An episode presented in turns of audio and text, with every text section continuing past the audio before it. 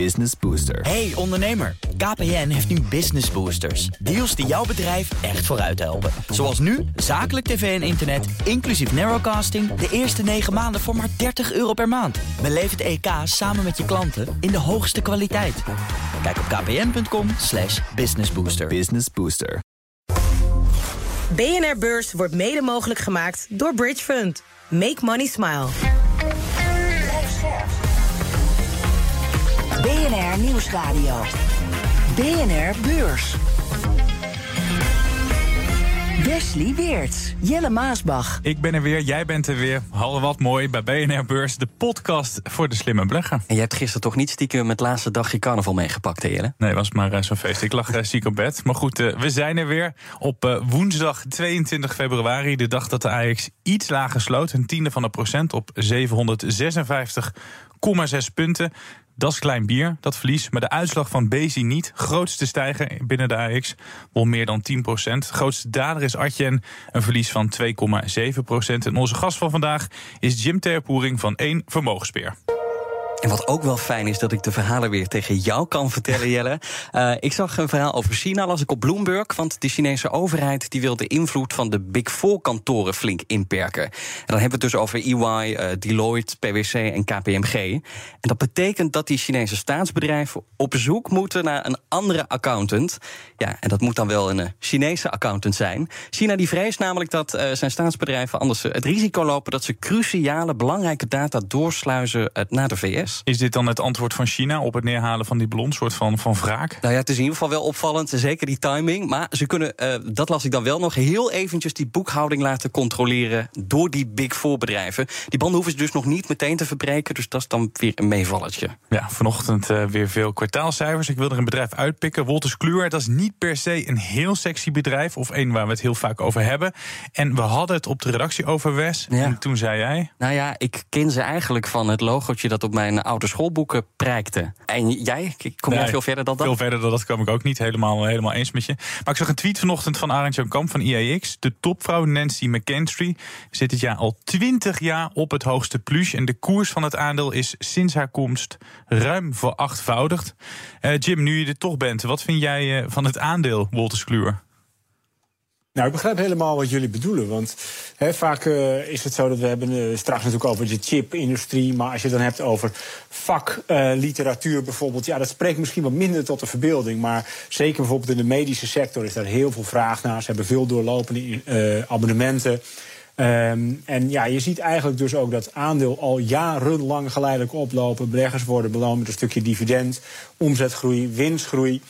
Dus wat wil je nog meer, zou je kunnen zeggen, als investeerder? Maar echt leuk om over te praten op bijvoorbeeld een programma als dit, is het natuurlijk niet. Nee. Dan wil je praten over uh, Tesla of uh, he, dingen die helemaal misgaan. En bij Wolters Kluwer gaat er al heel veel, heel lang goed. Ja, wat zegt het dat de CEO dan al twintig jaar de baas is? Nou, ik denk dat uh, als investeerder of als lange termijn belegger dat dat heel erg plezierig is. Dat je een gecommitteerde, aan, of, uh, gecommitteerde bestuurder hebt waarvan mm -hmm. je weet dat hij uh, zal leveren, dat hij betrokken is, dat hij de markt kent. Ik vind het zelf altijd een sterk signaal als een, een bestuurder lang op het plus zit en bij voorkeur ook nog zelf groot aandeelhouder is. Nou, we gaan nog een aantal van dat soort aandelen bespreken, waarbij het commitment van de CEO gewoon erg groot is. Ja, jullie hadden het net al even over die kwartaalcijfers. Maar ASR en BC die kwamen ook. Nou, BC die heeft last van tegenvallende vraag naar PC's en smartphones. Mm -hmm. Maar beleggers die zijn hartstikke tevreden met de resultaten. Daar gaan we het zo uitgebreid over hebben. Ja, vandaag die koersstijging van uh, meer dan meer 10%. Dan 10%, ja. Maar ASR, kwam ook met cijfers. Ja. De netto-winst die daalde had voornamelijk te maken met een uh, forse verhoging van het minimumloon. En dat komt, uh, zij verkopen namelijk van die uh, arbeidsongeschiktheidsverzekeringen. -huh. En de hoogte van die uitkering die is natuurlijk gekoppeld aan het minimumloon. Dus -huh. dat voelen ze meteen. Um, Jim, dat betekent ook dat dit geen eenmalige klap is, maar iets structureels, toch? Um, ja, dat, dat klopt wel. Hè. Uiteindelijk is het uh, ophogen van loon en in dit geval van kosten of uitkeringen, verplichte uitkering dat is doorlopend. Uh, en dat is niet, natuurlijk niet direct uh, terug te voeren op eerder betaalde premies. Ja, wel op toekomstige premies. Maar ja. het klopt. Evengoed denk ik wel, als je puur kijkt naar de resultaten die ASR overlevert. Uh, of levert. Het is weer, zoals altijd eigenlijk bij ASR, solide, zonder grote verrassingen, geleidelijke omzetgroei, geen, geen grote verrassingen ook in het aantal schades bijvoorbeeld. Ja, eigenlijk is dit ook een aandeel wat je als wilt hebben. En een beetje Heel saai, saai, weer. maar saai is goed. Ja. Um, ja, laten we wel wezen. De belegger kan 2,70 euro aan dividend per aandeel terug verwachten. Over 2022. Nou, relateer je dat aan de koers van 42 euro. En dan heb je het over uh, zo'n 6% dividendrendement. Dus ja, dat jaar in jaar uit keurig betaald wordt. En ook als je kijkt naar het aandeel, dat ging volgens mij uh, nadat het genationaliseerd was in 2016, als ik me niet vergis, naar de beurs. Nou, dat was toen rond de 20 euro. Het is verdubbeld en beleggers hebben ook nog een euro of 13, 14 aan dividend gehad. Dus ook daar geldt, wat wil je nog meer, maar ook saai. Niks te klagen. En dan aan een van de rijkste nerds van de wereld. De man die goed is voor meer dan 100 miljard dollar en daar hele goede dingen mee doet. Well, when you get money, you know, first you're fulfilling your needs, like you know, movies, books, I don't know, nice phone, nice car, place to live. William Henry Gates III, oftewel Bill Gates. Hij heeft nu een nieuwe investering gevonden en dat is Hollands bier. Gates neemt namelijk een belang in Heineken. Je hoort zometeen iets heel bijzonders: het stapelen van computerchips. Nou, super moeilijk, maar met deze innovatie denkt Bezi bakken met geld te gaan verdienen. Maar eerst Bill Gates, de mederoprichter van Microsoft en filantroop, heeft bijna 4% van Heineken gekocht. De Heineken Holding om precies te zijn. Dat is het vehikel van de familie Heineken, waarmee de erven van Freddy de touwtjes in handen hebben. Een grote Mexicaanse aandeelhouder die maakte onlangs bekend het belang af te bouwen. En Gates die grijpt nu zijn kans. Ja, Jim, ik vond het toch wel het nieuws van de dag. Um, wat moet Bill Gates met Heineken, denk jij? Ja, wat moet hij met Heineken? Kijk, uiteindelijk is het uh, dat Bill Gates moet zijn geld kwijt. En die wil graag uh, interessante investeringen met potentie. En in dit geval, hè, we kunnen natuurlijk zeggen, nou het is bijna 900 miljoen die hij investeert. Maar volgens mij is zijn vermogen meer dan 100 miljard. Dus er gaat nog geen procent van zijn geld in Heineken, in de Heineken Holding om precies te zijn. Nou moet ik wel zeggen dat uh, de investering via een holdingstructuur is over het algemeen heel aantrekkelijk. Wij doen het zelf ook veel voor onze klanten, omdat er vaak een zogeheten discount op zit. Nou, dat krijg je in dit geval eigenlijk ook. Je krijgt aandelen uh, Heineken, maar indirect via de holding. Mm-hmm. Nou, koop je een aandeel Heineken nu op de beurs, dan betaal je 97 euro. Koop je het via de holding, de familiaire holding van uh, de familie Heineken. Of uh, Chalene de Cavallo zou je kunnen zeggen. Ja. Um, als je die aandelen koopt, dan betaal je 82. Dus je krijgt de zogeheten discount. Terwijl je wel uiteindelijk ook hetzelfde dividend zou kunnen ontvangen. Dus uh, er zit een fikse korting op. Ja, als die wordt ingelopen uiteindelijk, dan uh, ben je extra spekkoper. Ja, ze noemen het ook al het schaduwaandeel, de holding. Maar kun je uitleggen ja. voor de belegger die zit te luisteren... die denkt, huh, maar waarom krijg ik dan die korting eigenlijk? Nou, dat is een beetje een lastige natuurlijk. Uh, je ziet het standaard vaak bij dit soort uh, holdings... dat er een discount zit op de totale portefeuille. Nou, dat heeft er onder andere mee te maken... dat je eigenlijk geen zeggenschap hebt over Heineken bijvoorbeeld. Je hebt geen stemrecht op aandelen Heineken. Dus dat maakt al dat jouw aandeel in de holding iets minder waard is. Um, en, daarnaast heb je ook uh, de situatie dat zij zouden ook iets heel anders met het geld kunnen gaan doen. Ze hebben nu investeringen in, alleen in aandelen Heineken, maar ze zouden ook kunnen zeggen die trekken we eruit en investeren we in uh, een of andere risicovolle private equity belegging. Dus je bent wel afhankelijk van in dit geval het management van die holding. Dus er zitten wat extra risico's op en wat minder zekerheden en rechten. Ja, en uh, misschien een keer uh, koffie of bier drinken met uh, Chelene de Carvalho van wat, wat de plannen zijn. Die Mexicanen, daar begon het allemaal mee. Dat we het vorige week ja. in BNR-beurs over. Die gaan hun belang afbouwen. Die hadden een aanzienlijk belang. Heineken koopt zelf ook wel terug. Denk jij dat Gates nog meer gaat bijkopen? Um, nou, kijk, als hij een transactie doet, dan gaat dat meteen over honderden miljoenen. -huh. In dit geval was het natuurlijk dat die Mexicaanse firma FEMSA. Die verkocht uh, een belang vorige week inderdaad aan de familie Heineken reeds. En nu een groot deel aan Bill Gates. Dat is wel hoe die transacties moeten gaan. Dat gaat buiten de beurs om. Uh, want als Bill Gates zou zeggen, nou, doe mij via de beurs 2 of 300 miljoen aandelen Heineken Holding, ja, dan heeft dat direct effect op de koers. Dus dat moeten altijd wel extreme transacties uh, buiten de beurs om gaan zijn. En daar moet je dus wel een verkoper voor hebben. Nou, die heeft zich in dit geval uh, aangediend in de vorm van FEMSA. Ik heb trouwens iets gemeen met Bill Gates. Want hij is helemaal niet verzot op bier, ben ik ook niet. Maar dat vond ik, dat zag ik in een interview. Ja. Dus des te opvallender is die aankoop. Is Heineken meer dan een happy dingetje voor, uh, voor Gates, denk je, Jim? Nou ja, uh, het geldt wel dat Heineken uh, heeft goed gepresteerd in 2023, uh, 22 na een aantal zwakke jaren. Ander punt is dat het natuurlijk een prachtig dividend uh, toch wel geeft inmiddels. En dat is aantrekkelijk uh, voor beleggers en vooral voor een, uh, nou ja, iemand die op zoek is naar soliditeit, wat voor Bill Gates toch geldt. Wat ik alleen wel bijzonder vind, is juist in een tijd waarin we toch met z'n allen hebben over ESG-beleggen, duurzaamheid. En natuurlijk zegt Heineken, we zijn heel duurzaam. Maar je kunt wel je vragen stellen van bij een belegging in, de, in een alcohol producerend bedrijf. Ja, hoe duurzaam is dat uiteindelijk? Uiteindelijk kun je daar wel echt vraagtekens bij zetten. Wij doen dat bijvoorbeeld heel bewust niet, omdat het niet past binnen onze set van duurzaamheidscriteria. Maar schijnbaar wel binnen die van Bill Gates. En om het nog wat precairder te maken kwam natuurlijk gisteren ook naar buiten het nieuws dat Heineken vrolijk doorverkoopt in Rusland. Ja. ja, dat is toch wel discutabel. En beleggers vinden dat schijnbaar goed, want uh, die straffen het aandeel daar niet vooraf. Nee, dus Bill Gates maakt het allemaal niet uit. Hij zit in nog meer een Nederlandse bedrijf, in kunstmestproducent ja. OCI. OCI. In, OCI, in, in Picnic. Ja. welke sectoren zijn verder interessant? ja, kijk, dat is uiteindelijk Bill Gates' beslissing. Uh, ik denk ook wel dat hij hier echt zelf serieus bij betrokken is, omdat het over substantiële deelneming gaat. Uh, hij heeft in elk geval een uh, redelijk mooi gespreide portefeuille. Een stukje consumer staples natuurlijk.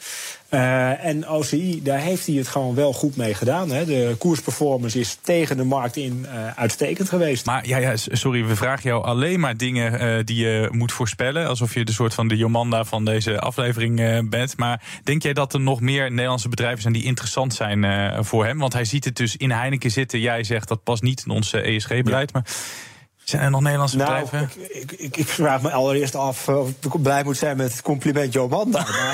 ik kom uit veel. Uh, dus... um, kijk, wat we, we, wel in Nederland altijd hebben gehad, uh, dat was een zogeheten Dutch discount. En die kwam met name voort vanuit uh, overheidswegen, doordat er beschermingsconstructies waren. Bijvoorbeeld eerder op KPN, we hebben het ook gezien. bij ABN AMRO, dat de overheid dus daadwerkelijk uh, bemoeienis kan leveren uh, in geval van een overname. Axo Nobel is misschien zelfs nog wel een voorbeeld. Um, wat, wat uiteindelijk maakte dat een heleboel Nederlandse bedrijven wat goedkoper waren. Nou, dat zie je toch nog steeds wel. Dat geldt in Nederland, misschien wel meer in Europa. Dat de relatieve waardering laag is. En ik denk dat dat vooral een reden is voor Bill Gates om dan toch naar Europa te kijken. Nou, het voordeel van de Amsterdamse kapitaalmarkt is, is dat die goed toegankelijk is. Het is een goed georganiseerde kapitaalmarkt. De regulering is uh, goed op orde. Dus met relatief weinig risico kan die dan gebruik maken van uh, de aantrekkelijke waarderingen van bedrijven. En er zitten er waarschijnlijk dus wat, uh, wat mooie hapjes tussen. BNR Beurs. Ja, blik op Wall Street. Groene borden en de uitslagen liggen redelijk dicht bij elkaar. De Dow Jones staat uh, 0,3% hoger. S&P 500 0,4% en de Nasdaq 0,5% En uh, Tesla, dat was uh, natuurlijk het aandeel dat vandaag uh, opviel. 1,2 1,2% Daarbij kwam voorbeurs met opvallend nieuws. Ze hebben namelijk al een gigafactory in Berlijn. En daar zou ook een accufabriek worden gebouwd. Maar dat laatste dat gaat nu niet door. Want de Amerikaanse overheid die lokt ze met nog veel meer en grotere subsidies. En dat is een klap voor Duitsland, Jim. Maar eigenlijk een veel grotere nog voor Europa, toch? Ja, Duitsland is natuurlijk wel de grootste economie van uh, Europa. Mm -hmm. uh, dus daarmee is het ene automatisch een gevolg voor het ander. Um, maar ja, het klopt inderdaad. Het lijkt een beetje een soort van strijd om Tesla in dit geval. Waarbij uh, beide, in dit geval Europa en de Verenigde Staten, natuurlijk wel baat hebben bij die accufabriek. Omdat het heel veel werkgelegenheid met zich meebrengt. Als je kijkt naar die megafabriek, uh, die gigafactory uh, bij Berlijn.